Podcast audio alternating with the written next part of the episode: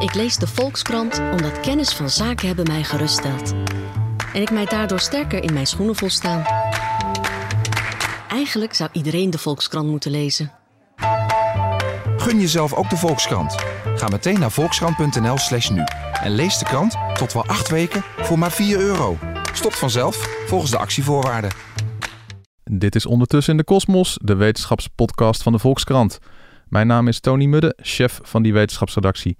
Ik zit hier in de podcaststudio van de Volkskrant en daar mag ik nog maar net komen. Want op de Volkskrant-redactie, waar normaal toch zeker zo'n 150 mensen passen, mogen nu nog maar 20 mensen tegelijkertijd aanwezig zijn. En dat op ruime afstand van elkaar. De reden? Een nieuwe mini-lockdown. Omdat de coronabesmettingen in het land weer gigantisch toenemen. Na een relatief rustige zomer zitten we er nu toch echt weer middenin, de tweede golf, hier en ook in veel andere landen in Europa. Wir wissen, dass vor uns die schwierigere Zeit liegt und wir sehen einen schrittweisen Anstieg an infizierten Zahlen. The virus has started to spread again in an exponential way. Infections are up, hospital admissions are climbing. En daarom pakken we nu door met landelijke maatregelen om weer voor het virus uit te komen.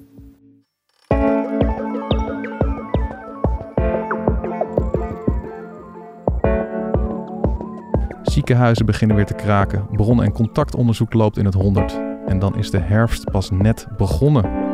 Wat voor winter gaan we in hemelsnaam beleven met z'n allen? En komt er misschien nog redding? Bijvoorbeeld van slimmere maatregelen, van sneltesten of van een vaccin? Ik praat erover met wetenschapsredacteur Maarten Keulemans, die het virus voor ons al vanaf dag 1 volgt. En ook aanwezig via Zoom, Amrish Baiju, veldepidemioloog met ervaring in de bestrijding van virusuitbraken zoals ebola en Zika. En hij zit nu in het COVID-19 crisisteam van het Internationale Rode Kruis. En hij adviseert de WHO in Genève. En er komt er nog iets bij. En hij doseert bij de London School of Hygiene and Tropical Medicine. Indrukwekkend cv. Uh, meneer Baiju, om, om met u te beginnen. Voor, voor de mensen die denken, veldepidemioloog, wat is dat eigenlijk? Ja, ik, ik, ik leg het heel graag uit. Dat is ook al iets, alle veldepidemiologen die werken aan uitbraken. Um, of aan uh, componenten van uitbraken, zoals surveillance en dergelijke. En het is een, uh, een opleiding uh, die begonnen is eigenlijk in Canada, maar de, maar, de, maar de CDC in de VS die claimt er altijd de credit voor. Een opleiding die 50 jaar bestaat. En het is eigenlijk een, een opleiding die is bedoeld voor mensen die uit een bepaalde professie komen van public health. dus het kunnen artsen zijn, maar tegenwoordig ook sociale wetenschappers, antropologen, epidemiologen. Om je eigenlijk op te leiden in een tweejarig traject. Um, waarbij je eigenlijk tien weken ja, soort lectures krijgt, case studies en dat soort dingen. Maar eigenlijk de rest van die twee jaar werkt aan de praktijk van uitbraakmanagement. Dat kunnen alle facetten zijn. Dat kunnen dus bijvoorbeeld zijn het beleid schrijven, maar ook het inrichten van je detectie, je surveillance van ziektes. Uh, hoe is het testen, hoe werken dat testen Mhm. en hoe gebruiken we die data om dan uh, vervolgens ja, tot beleid te vormen. En uh, je vliegt voor je werk de, de, de, halve wereld over. En volgens, jij bent net geland in Nederland, zit nu in een hotel in Nederland. Klopt. Viel je, nou, viel je nou met die ervaring in die andere landen meteen iets op? Je zette voet op Schiphol of je, je, je liep uh, richting je hotel en je dacht van... Hmm, dat doen ze toch wel hier wel heel anders dan in andere landen? Ja, ik ben in de afgelopen maanden heb ik eigenlijk alleen maar gereisd tussen Genève en, en Nederland. Uh, dus dat is wel interessant om dat contrast te zien. En ik woon eigenlijk net over de grens. Uh, dus je komt wel aan op Genève, maar dan woon ik in Frankrijk. Dus eigenlijk het perspectief van drie landen. Mm -hmm. En uh, wat je natuurlijk zag is dat het mondmaskergebruik op Schiphol was eigenlijk een, een, een, ja, een soort microcosmos op zich. Iedereen draagt er daar eentje. Um, in het vliegtuig moet iedereen er één dragen. En nou ja, Schiphol is natuurlijk heel erg begonnen van ja, we hebben hier hulp bij nodig door het verplicht te stellen. Um, en dan kom je in, in de afgelopen maanden kom je buiten en dan nou ja, buiten zie je nog een incidenteel gebruiker daarvan. Um, ja, en nu is eigenlijk de discussie natuurlijk gedraaid. In Frankrijk, uh, we op vakantie geweest in Chamonix, heb je van die mooie skiliften die je naar de meest prachtige uitzichten naar de fjorden brengen. Uh, daar droeg iedereen verplicht een mondmasker. Dus elke keer als je naar binnen ging, of het nou een skilift was of dat je in de rij stond, ja, moest je toch je mondmasker opdoen. Uh, disinfectie moest gedaan worden. Um, en dat, dat, dat werkt heel goed. Iedereen deed dat. Um, de winkels waren druk, maar dat had er ook alles mee te maken dat het een gigantisch toeristisch oord is. dus, Ja. uh, en dat mensen blijven mensen. Dus, um, dus dat was wel aardig om te zien. Uh, de acceptatie zit daar ook wel goed. Kijk, het zal nooit perfect zijn. Uh, maar met de juiste uitleg van de maatregelen en de noodzaak kun je een heel eind komen. Ja. En, en Maarten, in april schreef jij over een Harvard-studie. April, dat is al, lijkt alweer een eeuwigheid geleden.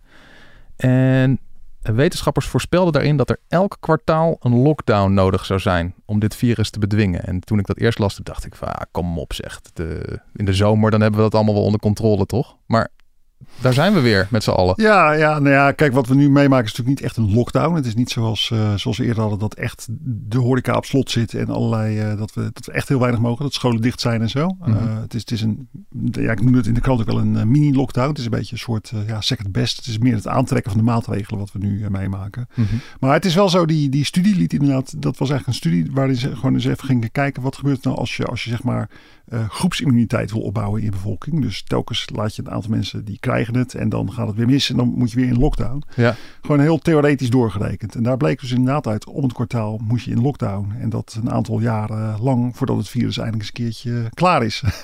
dus het was best, uh, ja, toen ik dat zag, was best verontrustend. Het is natuurlijk een heel erg een gedachteoefening, een uh, soort gedachte-experiment. Maar wel heel veelzeggend wat, wat ja, weet je wel, een soort ook een van de mogelijkheden zou zijn. En uh, het, is, het is wel zo, ik moet zeggen, we zien nu, ja, jij noemt het ook al de tweede golf. Mhm. Mm -hmm. Daar zit wel iets, iets onder ook, want um, uh, bij tweede golven, uh, dat is eigenlijk ontleend aan de, de grieppandemie van 1918. Ja. Wat er toen gebeurde was dat je had een eerste ziektegolf, die was niet zo erg. En toen in de zomer toen muteerde het virus en er kwam een nieuwe variant op en die was veel dodelijker. En daardoor was die tweede golf, die was echt ontzettend. Echt de, de grote schade van de, van de Spaanse griep, die viel echt in die, dat was echt in die tweede golf. Echt in de, de najaar, zeg maar. Ja, ja. En dat is bij de meeste andere griepepidemieën en de meeste andere epidemieën is dat eigenlijk heel anders. Dan zie je dat die tweede golf is minder erg. Omdat, ja, weet je, de eerste klap is dan al geweest. De, heel lullig om te zeggen, maar de allerzwakste mensen die zijn vaak dan al overleden. Uh, mensen zijn alerter. Mensen houden, dat zie je nu ook om je heen. Hè. We houden nog steeds afstand. We geven nog steeds geen, geen handen. Allerlei maatregelen zijn nog uh, gaande. Ja. En uh, is meer alertheid ook in de zin dat, dat we meer aan surveillance doen. Dus meer opletten van, van ja, waar gaat het virus weer uitbreken. En dan zie je eigenlijk dat zo'n tweede golf in de regel gewoon minder erg is dan de eerste golf. Dus hij is ja, wel langer, maar ook minder hoog. Het is minder een hoge piek. Dus ja, ik ben heel, heel benieuwd wat er uh, deze, ja, deze winter gaat, uh, gaat gebeuren. Ik ben trouwens ook benieuwd hoe jij erover denkt, Amrish. Wat, wat zie jij gebeuren de komende maanden? Ja, ik probeer altijd naar het grote plaatje te kijken. En nou ja, ik deel, zoals jullie weten, ook wel die analyse vanaf het begin. Hè. Kijk, um, of, of, een, of een epidemie escaleert, um, hangt van een aantal dingen af. Namelijk hoeveel mensen in je populatie zijn er over de duratie van, van eigenlijk een epidemie immuun geworden. En hoe sterk is die immuniteit? Ja, dat is een groot vraagteken nog steeds. Hè? Dat, daar zijn we niet over uit. Um, tegelijkertijd is er natuurlijk ook wel natuurlijk, wat kan het systeem aan? En wat kunnen we aan als maatschappij? Dan heb ik het niet alleen over de harde cijfers van ook hoeveel IC-bedden hebben we. Maar dan moet je natuurlijk ook heel goed kijken van zo'n eerste golf heeft een flinke impact op eigenlijk toch wel al een fragiel zorgsysteem. Waar uitstekende mensen werken achtergelaten. Dus dat doet ook wat met uh, ik, ik weet natuurlijk zelf, in crisissituatie werkende, het is zwaar. Het is mentaal zwaar, het is fysiek zwaar. Uh, je doet het al zeven maanden lang. Dus de capaciteit kun je niet alleen maar simpelweg rekenen op het, de hoeveelheid bedden en waar je naar kunt opschalen. Maar het meest kostbare is de menselijke capaciteit. En ik denk dat we daar soms ook wel iets te snel overheen stappen en dat we te weinig in, uh, in account nemen. Van oké, okay, kunnen we dat wel aan en is dat wenselijk? Denk ook na, wat gaat het doen als je nou nog zo'n piek zou krijgen met de gesteldheid van de mensen die in de zorg werken? Nou ja, dat zien jullie als journalisten natuurlijk ook. Die gesteldheid is niet goed. En uh, dat is ook een, een zaak van urgentie waarbij het zegt vroegtijdig ingrijpen is belangrijk. Want zeker in Nederland hebben we nog een grote groep mensen, en dan praat ik al meer dan 90% mensen over het algemeen genomen, die nog mogelijk vatbaar zijn voor het virus. Dus dat betekent als je dan dezelfde route doorwandelt en je schaalt je maatregelen af, nou, dan kun je misschien op de IC iets beter behandelen, waardoor je die duur kunt verkorten. Is nog steeds een buitengewoon onwenselijke situatie, waarbij vroegtijdig ingrijpen nog steeds noodzaak is. Ik vond, ik vond het zelf ook, ook gewoon shocking dat ik dacht van nou, het was voor iedereen een relatief milde zomer. Uh, en dat je dus, ja, wij, wij, gaan deze herfst in. Het waren natuurlijk al allerlei maatregelen. Ik bedoel, er waren geen sportevenementen meer. Uh, veel meer mensen werken op afstand. Iedereen zit afstand van elkaar te houden. En dat het dan toch weer uh, explodeert, zo'n virus. Dat het, dat, het, dat het blijkbaar allemaal alweer niet genoeg is en er weer veel meer nodig is. Dat, wat doet dat met de moraal van een volk, vraag ik me ook af. Weet je wel? Dat het zo snel alweer uit de hand loopt. Ja vraag is wel of het ook echt wel zo explodeert. Hè? Want het is natuurlijk, je ziet wel een toename in het aantal besmettingen. Maar ik, ik, wou, mag, mag ik allemaal eens even voorlezen? Ik, kreeg een, ja, ik moest er eens aan denken. Ik kreeg een appje van een vriend van mij. Die, die nou ja, een behoorlijk hoge baan heeft in de cultuursector. En die zegt, uh, het hele normale jongen hoor trouwens, uh, Maarten, help. Als ik naar de cijfers kijk, lijkt het met corona mee te vallen. En lijkt me dat het kabinet op tijd reageert voordat de exponentiële groei toeslaat. Natuurlijk, er zijn wel veel meer gemelde gevallen dan in maart. Uh, maar de ziekenhuis- en IC-opnames zijn veel lager. En zo ook het dodental. Ik snap dat gezeur over die mondkapjes daarom ook niet. Een maatregel die we in het voorjaar ook niet nodig hadden om de boel te onderdrukken. Het debat lijkt vooral paniek en politiek. Wat zie ik over het hoofd? Ik vond het een hele goede vraag en ik vond hem ook moeilijk te beantwoorden. Ja, het is, ook een, het is ook een hele goede vraag. En ik denk dat die, die zorg, eh, ik bedoel zeker in de perceptie van de mensen die natuurlijk ook niet inhoudelijk betrokken zijn, maar zelfs van de mensen die wel inhoudelijk betrokken zijn, het is ook gewoon een ontzettend complex vraagstuk. Kijk, we hebben een aantal interventies en die zijn allemaal gericht op gedrag. Uh, zelfs als je zegt, nou oké, okay, een mondmasker, het is eigenlijk een soort ja, medisch hulpmiddel. Ja, ook daar uh, valt of staat het gebruik, het juist gebruik daarvan eigenlijk in de effectiviteit. Maar eigenlijk alle interventies die we hebben, hebben een spectrum van effectiviteit geen van die interventies is uh, 100% bulletproof, dus niks is een zilveren kogel. En, en dingen zoals mondmaskers hebben een spectrum van effectiviteit die ergens tussen de, boven de nul ligt. En laten we een, een cijfer nemen onder de 60%. En dat, en dat ligt heel erg op basis van, oké, zit je in een nauwe binnenruimte met z'n allen hartstikke hard te gillen? Of uh, zit je gewoon buiten overdag, ben je lekker um, ver van elkaar? Ja, oké, dan zijn mondkapjes duidelijk minder effectief. Maar de zaak is om te begrijpen dat de som van alle interventies die we hebben, die zorgt ervoor dat je eigenlijk krachtig zo'n ja, zo'n opleving naar beneden kan slaan. Hoe eerder je daarmee begint, hoe minder grote kans op escalatie. En daarbij ook volledig de erkenning natuurlijk. Ik snap dat mensen de urgentie niet zien als het aantal besmettingen toeneemt, omdat we dan meer gaan testen. Ik denk dat we allemaal die piramide van infecties kennen. Aan de bovenkant en de nauwe tip van de piramide heb je natuurlijk de meest ernstige infecties, die zie je in het ziekenhuis verschijnen. Dat is ook de plek in de piramide die eigenlijk het laatst wordt gevuld. En daaronder hangt alles heel erg vanaf hoe proactief jij bent met het testen. Ben je ook asymptomatisch mensen aan het testen, dus mensen die geen symptomen hebben, of presymptomatische mensen, nou, dan visualiseer je eigenlijk een groot deel van die piramide. Dat hebben we gedaan. Maar op een gegeven moment zijn al die indicatoren in de lift gekropen. Dus niet alleen het aantal geteste mensen. Dus als je kijkt naar hoeveel positieve testen heb je nou. Niet alleen het aantal testen dat je doet. Dat klimt erg snel op. Um, en vervolgens zijn ook de ziekenhuisopnames aan het opklimmen. En de IC-opnames aan het opklimmen. Dus er kan geen twijfel bestaan over de urgentie waar we nu in zitten. Maar wel misschien zeggen we, ja, we zijn nu iets eerder begonnen met, met ja, het breder visualiseren van die piramide. Nou, dat is eigenlijk alleen maar fijn, want dan kun je eerder aan de alarmbel trokken. Dat is precies waarom we op 22 juli uh, met z'n vier een brief van urgentie schreven. Ook omdat we zagen dat het bron- en contactonderzoek en de testcapaciteit, eigenlijk onze primaire dijken, daar niet goed uh, tegen bestand waren op dat moment. En er werd twijfelachtig opgeschaald. Dat kunnen we denk ik inmiddels wel als constateringen uh, zien. Dus dat betekent dat je nu op een fase zit waarbij de acuutheid, uh, mede door wat ik net vertelde over de mensen in de zorg, um, stijgt. En waarbij je dan zegt van oké, dan moeten we nu wel rigoureuze maatregelen nemen. Want op dit moment weten we ook nog best wel weinig over de transmissie van het virus. Hoe het zich verspreidt, wat de lange termijn gevolgen zijn. Maar ook hoe het ons als maatschappij aantast. Dat je op een gegeven moment op een punt komt van oké, nu moeten we wel direct ingrijpen. Anders gaat het echt escaleren. En op dat punt wil je natuurlijk nooit komen. Vroegtijdig ingrijpen is altijd goedkoper, is ook beter.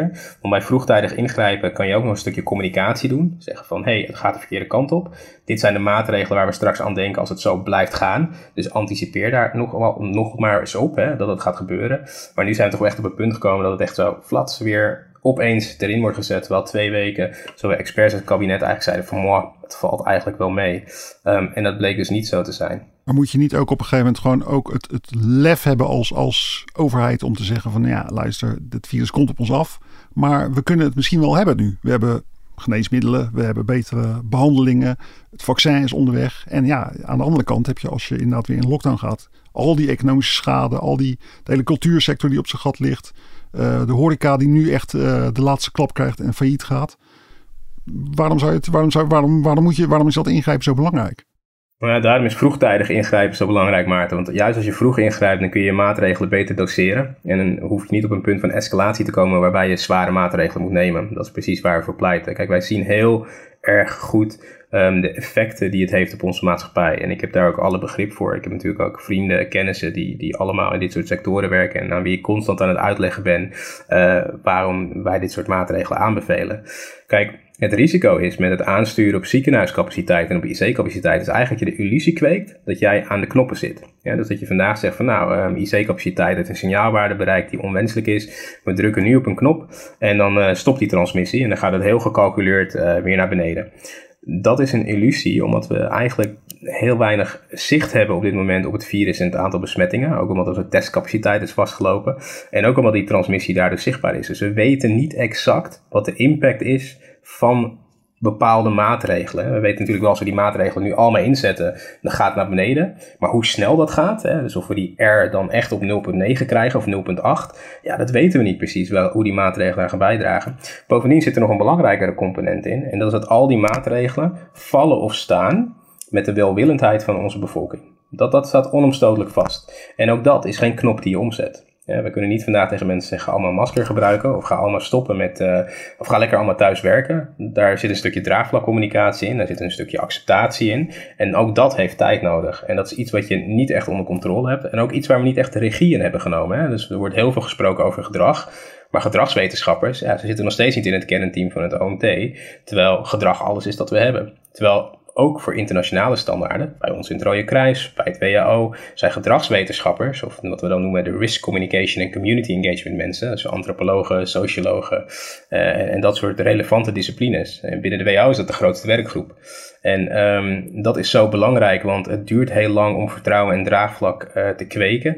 Zeker in alle onzekerheid die we hebben, creëer je een soort vacuüm. En in dat vacuüm kun je natuurlijk ook allerlei uh, extremere uitingen zien, hè, zoals uh, virus, het virus waarheid of virus waanzin, of hoe die groep op het moment ook heet. En die krijgen dan op een gegeven moment ook tractie. Um, en ook bijvoorbeeld als Red Team, daar nemen we ook onze volledige erkenning in. Wij zijn hier niet om het OMT te vervangen. Zonder OMT zitten we echt heel ver vast. Uh, en wij zitten, doen ook alles aan om het OMT zeg maar, te ondersteunen. Maar ook daarin um, herkennen wij ook onze beperking. En dat is een moeilijk draagvlak. Als wij urgentie communiceren en er wordt vervolgens niks met de urgentie gedaan, het liefst zijn we in directe dialoog, ja, dan gaat het ook zijn eigen leven leiden. En dat is natuurlijk ook wat je in, in de politiek zit. En dat is precies waar een wetenschap moeilijk puur wetenschap kan blijven. Um, er zullen altijd politieke belangen meewegen. Hè, of Ambries, kan, kan, je een, kan je een voorbeeld geven van, eh, van een land of een regeringsleider waarvan je zegt van ja, daar hebben ze de bevolking qua gedrag echt perfect meegekregen? Laten we dan een, een, moderne democratie noemen. Heb je daar een, voorbeeld van? Nou, we kunnen redelijk kijken naar onze oosterburen. En perfectie bestaat niet, maar als je het grootste deel van je bevolking maar meekrijgt. Mm -hmm. A, zit er een, een bondskanselier in die um, heel goed kan communiceren, vind ik. En die kan heel goed de situatie uitleggen, maar ook heel goed uitleggen wat er gebeurt als er zaken niet gedaan worden. Maar ze hebben daar natuurlijk ook een systeem van anticipatie ontworpen. En dat is het systeem waarbij je zegt van nou, we hebben een aantal signaalwaardes. Um, en als die signaalwaardes worden overschreden, gaan deze maatregelenpakketten in, uh, in effect treden. En dat verschilt dan per regio. En de regio's krijgen ook een klein beetje bewegingsvrijheid voor de exacte implementatie van die maatregelen. Dat schept helderheid bij bevolking, maar het schept ook helderheid voor de professionals. Hè, want die weten dan precies wat er gaat gebeuren en welke maatregelen zij dan kunnen nemen. Um, en dat leidt ook wel tot rust in een ontzettend chaotische um, situatie. Nou, dat, is dat, dat gesprek is gelukkig in Nederland ook gestart. En het OMT kijkt er natuurlijk ook naar wat we kunnen. Inmiddels is de situatie dusdanig gekleurd dat eigenlijk alle gemeentes in Nederland bijna rood zijn. Kleine uitzonderingen daar gelaten. Dus dan moet je inderdaad wel um, uitgaan van landelijke maatregelen. Maar met die landelijke maatregelen komt er natuurlijk weer een punt waarbij het aantal infecties zich gaat keren. En dan moeten we dus klaar zijn om een goed pakket te hebben met die zogenaamde escalatieladder, de maatregelen die daarbij horen, goed intact bron- en contactonderzoek en een testsysteem. Um, zodra, zodra dingen kunnen worden opengegooid, dat er vervolgens dan ook uh, nou ja, de dijken staan. En dat was natuurlijk in de eerste golf ook de belofte, uh, maar dat is helaas niet waar gebleken.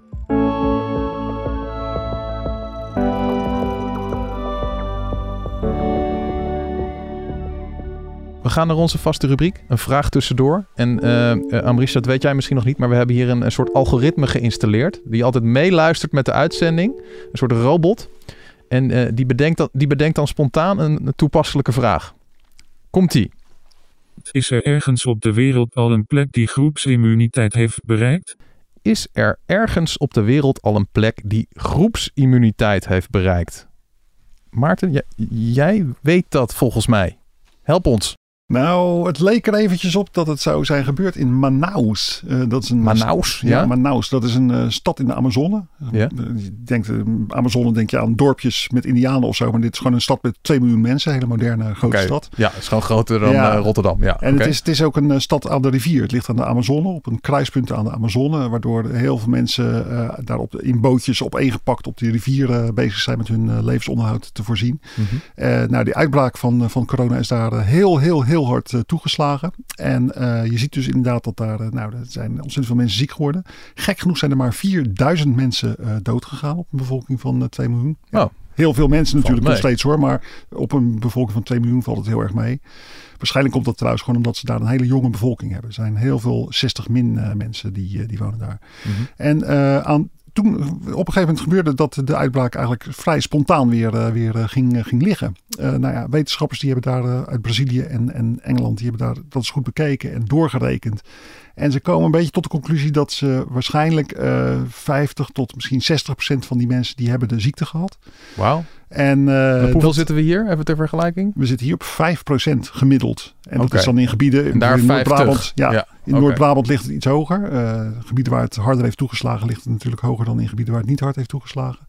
Maar daar was dus inderdaad nou ja, ongeveer de helft van de mensen heeft het gehad. Misschien meer dan de helft. En uh, nou ja, dat zou wel eens de oorzaak kunnen zijn dat het virus is, uh, is gaan, gaan liggen. Dat de storm is gaan liggen. Want op een gegeven moment bereik je het punt dat zoveel mensen hebben het dan gehad. Die hebben dan eventjes tijdelijk immuniteit. Die kunnen het niet nog een keer krijgen.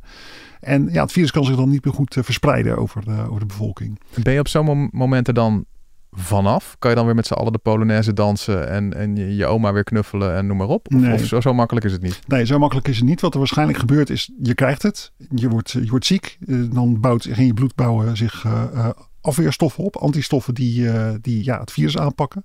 Die antistoffen die blijven een tijdje. En na een aantal maanden gaan die weer weg, die antistoffen. En dan heb je wel heel diep in je geheugen, in je, in je lymfklieren. Daar zitten cellen die echt een beetje onthouden van... wacht even, deze ziektekiem, die, die, hebben we, dat, die houden in het ootje. Als hij nog een keertje terugkomt, dan weten we hem te vinden. Ja. En als die ziekte dan, ja, als die dan na een aantal maanden kan weer krijgen... waarschijnlijk het is toch allemaal niet zeker, want we hebben de ziekte nog niet lang genoeg onder de mensheid. Maar waarschijnlijk uh, word je dan minder ziek. En uh, omdat je gewoon sneller in actie komt. Je afweer komt sneller in actie. Maar ja, dat is natuurlijk wel weer een fase waarin je het virus wel weer kan doorgeven op andere mensen. Dus dan moet je weer niet bij uh, je oude oma langs gaan.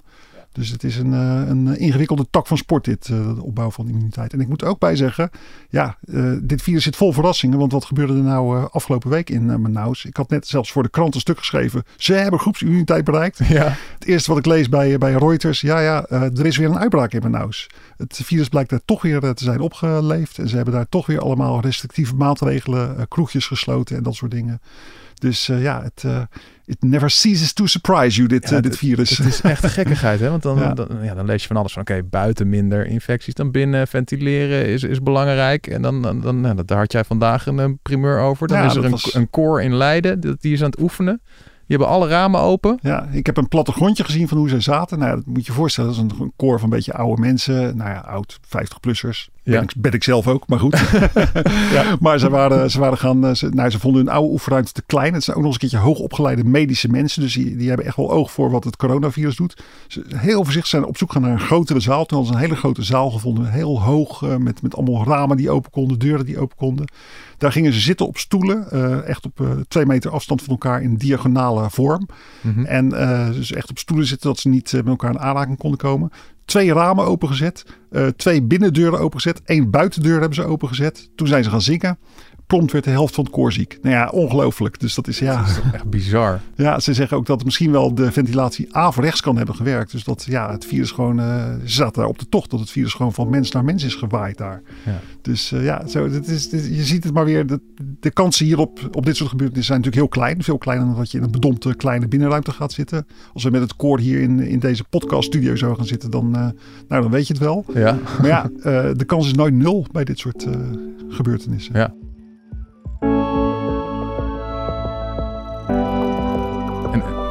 Bedoel, jij hebt ook heel veel andere virussen bestudeerd. Ebola, Zika, uh, het coronavirus. Is dit nou echt gewoon een hele gekke met die asymptomatische verspreiding en zo? Of...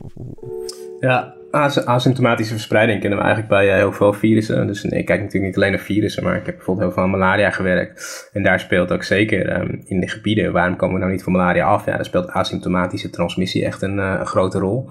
Dus mensen die het virus bij zich dragen en zelfs verspreiden, of sorry, de parasieten, niet het virus, bij zich dragen en zelfs verspreiden, maar eigenlijk uh, amper symptomen van hebben. Dus die gaan ook niet naar het ziekenhuis om zich te laten behandelen. Um, dus dat, dat is niet ongebruikelijk, asymptomatische infecties. Kijk, wat wel lastig is bij dit virus, is dat we de transmissieroutes niet goed begrijpen. En we, niet, snappen de attributie van die verschillende transmissieroutes niet. Hè? Ehm, in hoeverre um, is afstand uh, functioneel? In hoeverre uh, werkt goede ventilatie? Uh, welke variabelen zorgen ervoor dat je eigenlijk een perfecte storm hebt voor het virus om overgedragen te worden? Nou, da daar leren we steeds meer over. En ik wil dan graag bij de woorden van, van Jaap Goudsmit, een bekend Nederlands viroloog, blijven, die zich ook daar heeft uitgesproken. Het kost gemiddeld 10 jaar om een virus goed te begrijpen. En, en, dat zorgt dus ook dat we respect moeten hebben eh, voor de situatie waar we in zitten. Um, Ontzettend goed als wetenschappers ook de onzekerheid constant moeten blijven onderstrepen waarin we werken. En voor mij als crisisresponder hanteer ik daar ook heel graag het preventief reageren daarin. En we zien altijd eigenlijk dat preventie uh, goedkoper is dan op een punt van escalatie laten aankomen. En dat het op een punt van escalatie kan komen, dat hebben we natuurlijk al gezien in de situatie van maart en april. Um, en dat, ja, bij voorkeur wil je dat niet te vaak herhalen of eigenlijk helemaal niet herhalen. Ja. Maar dus ik ben wel benieuwd. Je zegt van ja, die transmissie is, is nog niet bekend. Maar ik, ik spreek regelmatig klinische virologen en hoogleraren virologie en zo. En die zeggen van ja, nee, dit is heel erg bekend. Uh, juist uh, korte afstand, dat is echt de hoofdroute van transmissie. Dat blijkt ook, uh, ook uit alle cijfers. Dat het virus verspreidt zich op, ja, in situaties waar mensen heel nauw met elkaar omgaan. Uh, wat, wat is er precies niet duidelijk aan uh, in jouw, jouw ogen? Nou ja, je hebt gelijk, Maarten, in het opzicht dat afstand een, een belangrijke factor is. Uh, maar als je dan gaat over van, als je dat naar de praktijk vertaalt, wat betekent dat bijvoorbeeld voor het openen van stadiums? Hè? Wat betekent dat bijvoorbeeld voor nou ja, het core wat je net omschreef? Hè? Dan, en, want dan zou je denken van, nou, we hebben toch goede ventilatie, dat helpt. en hopelijk hielden ze ook allemaal afdoende afstand van elkaar. En toch zie je dan toch dat er zo'n event plaatsvindt met, met superinfectie. En ik denk, kijk, de discussie omtrent aerosolen is ook een hele lastige discussie. Hè? Dat is echt, en ik vind het jammer dat die discussie met name door biomedici wordt gevoerd. Want dat is precies een discussie waarbij je denkt van nou, dan heb je mensen die ook een understanding hebben van fysica uh, voor nodig. Hè. Dus dat betekent mensen die snappen uh, hoe de grootte van partikelen, uh, nou ja, eigenlijk ehm, wordt beïnvloed door zwaartekracht. Want dat is eigenlijk natuurlijk het grootste gedeelte in het geheel. Grote druppeltjes, nou, daar heeft zwaartekracht zoveel tractie op, die vallen naar beneden. En hoe kleiner de druppels worden, hoe langer ze bijvoorbeeld um, kunnen blijven zweven. En dan is de vraag van, oké, zitten daar dan ook uh, infectieuze virusdeeltjes in? Hoeveel van die virusdeeltjes moet je binnenkrijgen om ziek te worden? Um, maar als je bijvoorbeeld kijkt naar de aerosol-discussie, dan, dan hebben ze eigenlijk in de biomedische wereld zeggen we dan, nou, dat is uh, eh, 5 micrometer. En dan um, spreek je van een aerosol. En alles daarboven niet echt. Maar als je kijkt naar wat de discussies zijn in de wereld van bijvoorbeeld de biofysica die daarover gaat, dan zeggen ze nee, eigenlijk ligt dat niveau boven de 100 micrometer. Uh, en daar zien we partikelen die eigenlijk al minder invloed van de zwaartekracht hebben en op een dichtere afstand langer in de lucht kunnen blijven zweven. En, en dat maakt ook de bestrijding van een uitbraak met een pathogeen wat we niet snappen, een, bij definitie een multidisciplinair vraagstuk. En zo moeten we dat ook behandelen. En zoals ik zei, dat is ook precies het stukje respect wat je daarvoor moet hebben. Is dat je het niet alleen uit biomedisch oogpunt kan bekijken. En dan heb ik het eigenlijk alleen nog maar over de vrij abstracte vragen als transmissie van het virus, impact van de ziekte, maar daaromheen staat natuurlijk ook nog alle maatschappelijke vragen die je hebt. Hè. De impact op de economie, het uh, blijvend verhogen van draagvlak. Um, zorgen dat mensen niet het vertrouwen in onze instituten uh, verliezen. En dat wil ik nogmaals onderstrepen, dat ook dat zien we vaak in crisissen gebeuren. Is dat mensen toch heel sceptisch worden van hun regering. Of uh, sceptisch worden van het, het, team dat ze probeert te helpen. Um, en, en dan ben je ontzettend ver van huis. Um, zeker in een periode waar een verkiezingsperiode aankomt, moeten we daar buitengewoon bewust van zijn dat dit zaken zijn die ook invloed hebben over hoe succesvol we het virus kunnen bestrijden, maar ook met zo min mogelijk schade um, als ons als maatschappij en mens. Dat je wat me altijd opvalt, uh, dat, dat mensen grijpen heel erg naar een soort quasi-magisch gedrag. Uh, mensen die, die blijven maar vastklampen aan hydroxychloroquine bijvoorbeeld. Uh, je hebt andere mensen die gaan allemaal maffe rituele handelingen doen. Winkelwagentjes soppen, terwijl dat heel weinig zin heeft waarschijnlijk. Is dat iets wat je altijd bij epidemieën ziet, Amnish? Zeker. Um, ik bedoel, je, je hebt natuurlijk altijd de rumors. Uh, of het nou gaat van uh, dit, je, je moet naar een lokale geneesheer om allerlei uh, drankjes te gaan drinken die geen effect hebben. Mensen zoeken in tijden van wanhoop naar alles wat ze kunnen vastgrijpen. Of dingen waarvan ze hopen dat het wat hoop kan geven. Um, en, zeker hoe extremer de crisis, hoe, hoe, meer je dat ziet gebeuren. En, en daar ligt ook een rol voor ons als wetenschappers. Um, en ik denk dat we soms die rol wel eens vergeten. Communicatie is bijzonder belangrijk. Het begrijpelijk uitleggen van dingen. Bijvoorbeeld zoals de tijd die Dirk Gommers heeft uh, genomen om met, uh, met de influencers te gaan praten. En dat is ook constant waar ik op hamer. Um, ook richting alle wetenschappers. Laten we alsjeblieft stoppen met het communiceren over media heen. Over talkshows en radio. Zullen we alsjeblieft een keer met elkaar om tafel gaan zitten.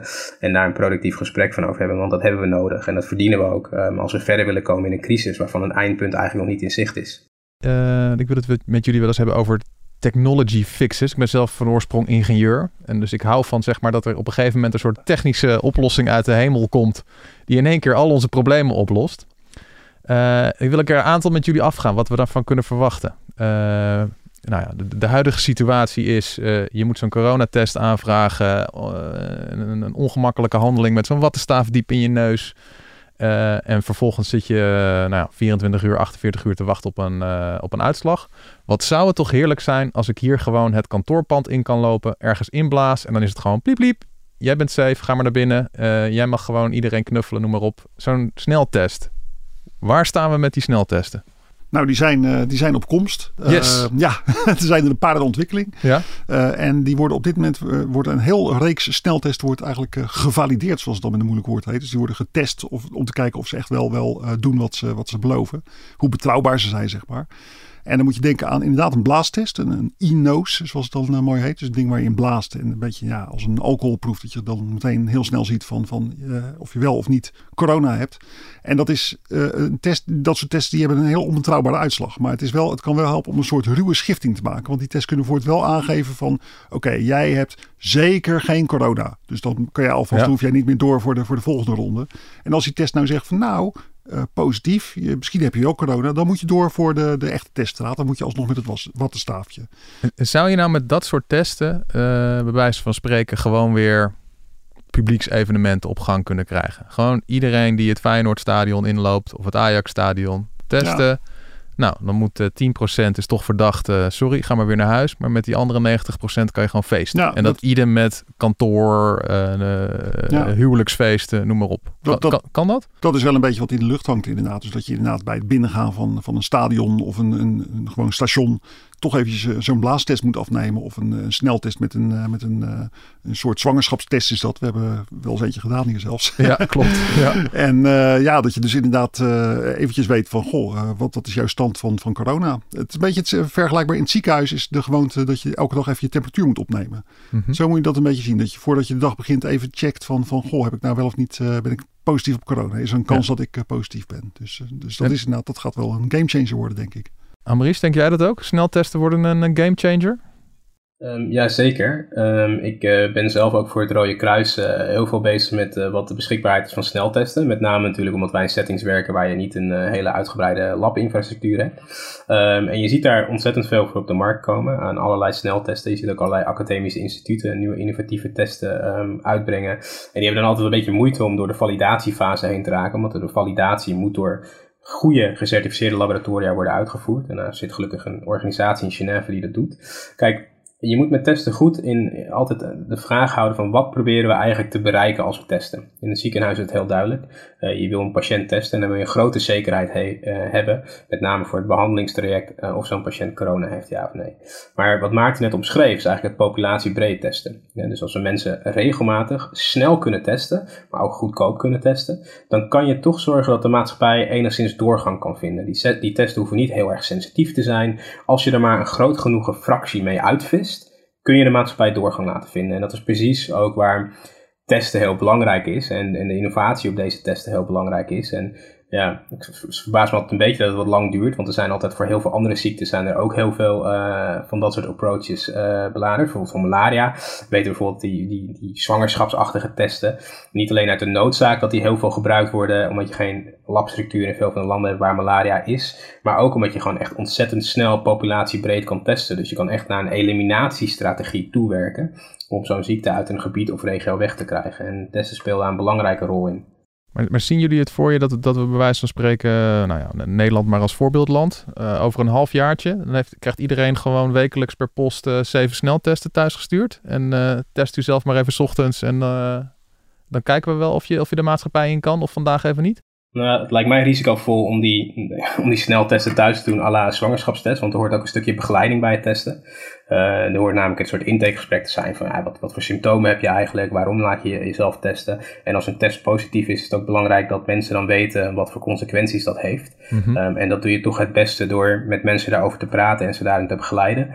Zeker als symptomen toenemen, wil je natuurlijk dat mensen snel um, iemand hebben met, wie, met medische kennis die ze kunnen spreken. Um, dus het per post opsturen misschien niet, maar bijvoorbeeld de mobiele teststraten, hè, zoals ze in Azië eigenlijk veelvuldig doen, waarbij je eigenlijk bij, nou ja, bij wijze van spreken op elke hoek van de straat een, een sneltest kan laten doen. Dat lijkt me een, een approach waarbij je kunt zeggen van nou, dat moeten we in overweging nemen. Want het zorgt ervoor dat we de mobiliteit in de maatschappij sneller kunnen vergroten. Dat we af kunnen met misschien minder strenge maatregelen en dat dus langer kunnen handhaven. Ja, en dan uh, ja, die andere grote technology fix. Een vaccin, waardoor we ineens allemaal weer elkaar kunnen knuffelen en weer lekker met elkaar kunnen dansen. Uh, wat verwacht jij ervan, Maarten? Nou ja, uh, natuurlijk hetzelfde als iedereen. Het zou toch prachtig zijn als het, uh, als het zou lukken. Ik moet wel zeggen dat ik een stuk somberder ben dan dat ik een paar maanden geleden was. Dat komt ook omdat ik gewoon wel aardig wat, wat immunologen heb gesproken, vaccinologen. En, en laatst ook een heel goed stuk heb gelezen in, in artsenblad The Lancet. En eigenlijk zeggen alle experts van, van ja, je moet je daar zeker niet blind op staren. Zo'n vaccin gaat in eerste instantie helemaal niet zo goed zijn. Het kan heel goed dat van al die vaccins die nu worden getest, dat er een aantal gewoon afvallen. Omdat ze gewoon ja, toch te onveilig zijn. Te veel bijwerkingen geven. Mhm. Maar ook gewoon domweg niet goed beschermen tegen het uh, virus. Ja. De vaccins die nu in ontwikkeling zijn, het zijn allemaal vrij nieuwe, vernieuwende, nifty platforms. Nog nooit echt getest in mensen. Dus het is echt eventjes heel erg de vraag wat dat allemaal uh, gaat, uh, gaat opleveren. En bovendien is het ook, je moet ook zo zien, zo'n vaccin. Het is heel erg de vraag van, ja, weet je, uh, je moet misschien meer denken aan iets zoals de griepprik. Dat je, nou ja, je krijgt zo'n prik, je bent dan beschermd. Maar sommige mensen zijn dan ook weer ineens niet beschermd. Die kunnen ineens dan alsnog ziek worden. Of je moet denken aan vaccins waar je wel degelijk nog ziek van kan worden, maar waar je gewoon minder ziek van wordt. Dus het is allemaal niet zo van, weet je, je denkt, wij zijn, wij zijn verwend een beetje met vaccins. Wij denken natuurlijk aan vaccins van, ja, je krijgt als, als baby krijg je een prik en dan ben je leven lang mee beschermd tegen mazelen, rode hond, dat soort dingen. Zo. Ja, maar zo'n, zo'n, dat soort vaccins, dat is niet uh, waar je op moet rekenen. Dus ik denk dat we nog wel eventjes bezig zijn. Los toch inderdaad waar Amrish uh, volkomen terecht op wijst. De distributie, hoe gaat het straks, uh, straks lopen? Ja. Krijgen wij de vaccins wel op tijd? Een hoop mensen hebben toch een beetje het beeld van, als we vaccins hebben, dan kunnen de clubs weer open en dan gaan we weer allemaal leuke dingen doen. Maar dat is natuurlijk niet waarvoor de eerste, uh, eerste vaccins uh, gebruikt zullen worden. Die zullen vooral worden gebruikt om de hele kwetsbare mensen te beschermen. Mm -hmm. En ja, ook om ingezet te worden in landen waar het heel hard nodig is, waar het virus volop voedt. Maar jij denkt dus dat zo'n zo'n zo'n eerste vaccin, dat dan, dan, nou ja, dan nemen vijf mensen die en dan is er maar, ik zeg maar wat, twee die worden er echt door geholpen. Ja, ja of, of nog erger, het, het, wat bijvoorbeeld ook al gebeurt, is dat het virus onzichtbaarder door wordt. Als jij een vaccin hebt waardoor je niet meer zo ziek wordt, dus je krijgt er alleen maar nog een heel klein beetje een snotneusje. Of je, je, ja, nauwelijks word je er ziek van. Mm -hmm. Maar je geeft wel het virus door. Dan krijg je het effect dat het virus eigenlijk gewoon undercover gaat. Dus dan uh, kan het virus zich wel verspreiden. Jij kan het wel doorgeven naar andere mensen. Maar het is gewoon minder goed zichtbaar. Dus dat soort dingen, dat hangt allemaal in de lucht. We krijgen daar uh, behoorlijk, uh, ik verwacht behoorlijk wat reuring hierover. Lekker toekomstscenario. Zie jij het positiever in, uh, Amrish? Nou, ik zei van de week tegen Maarten dat we elkaar eigenlijk alleen maar spreken in, in omtrent negatieve trends. En dat is natuurlijk ook wel ja, een wij beetje de nog eens bier met elkaar gaan drinken. Hè? Dus, uh... Ik denk een beetje in mijn vakgebied, dat is, dat is niet, niet een positief vakgebied om het zo maar te zeggen. Maar er is, er is dat positief te zien in, in, met andere ziektes. En de progressie die we hebben bereikt bijvoorbeeld in, in veel landen waar infectieziektes een, een hoge uh, ja, tol eisen. Hebben we in de laatste twintig jaar toch veel progressie gezien.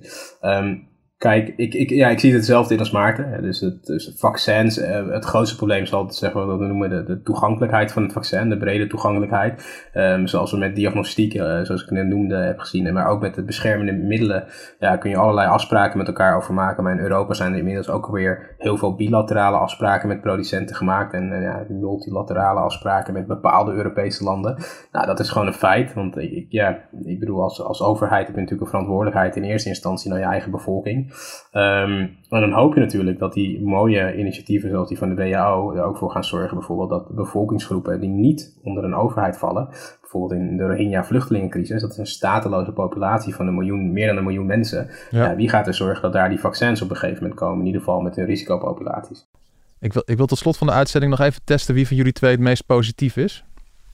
Er zijn nu mensen aan het luisteren en die, die, zijn, die hebben nu al een eh, negen maanden lang hun bruiloft uitgesteld. Of eh, eh, het, het 50-jarig huwelijk van Tante Miep.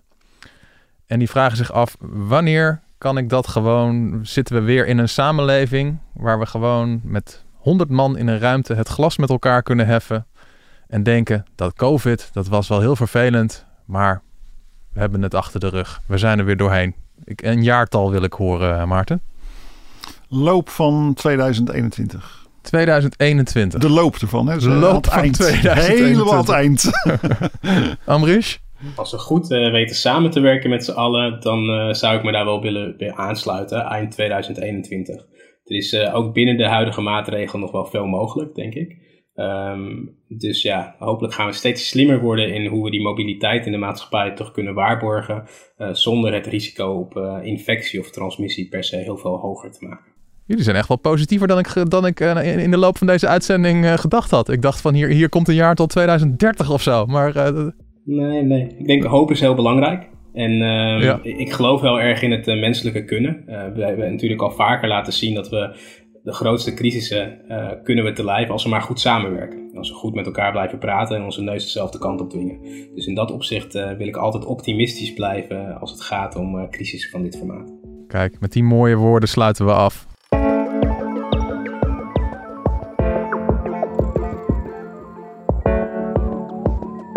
Dit was Ondertussen in de Kosmos, de podcast van de wetenschapsredactie van de Volkskrant. Grote dank aan mijn gasten van vandaag, veldepidemioloog Amrish Baiju en wetenschapsredacteur Maarten Keudemans. Ook dank aan ons podcastteam achter de schermen, Corinne van Duin en geluidstechnicus David Slinks. Wil je onze journalistiek steunen en er niks van missen? Je hebt al een abonnement voor 50 cent per week. 50 cent per week, mensen. Ga naar volkskrant.nl/slash lees en je ziet al onze abonnementsvormen. En wil je er zeker van zijn dat je de volgende aflevering van deze podcast niet mist? Abonneer je dan op Ondertussen in de Kosmos op je favoriete podcast-app. Mijn naam is Tony Mudde. Graag tot de volgende keer.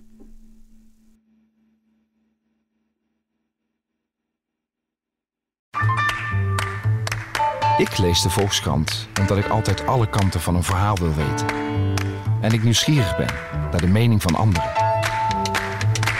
Eigenlijk zou iedereen de Volkskrant moeten lezen. Gun jezelf ook de Volkskrant. Ga meteen naar volkskrant.nl/slash nu en lees de krant tot wel acht weken voor maar 4 euro. Stopt vanzelf, volgens de actievoorwaarden.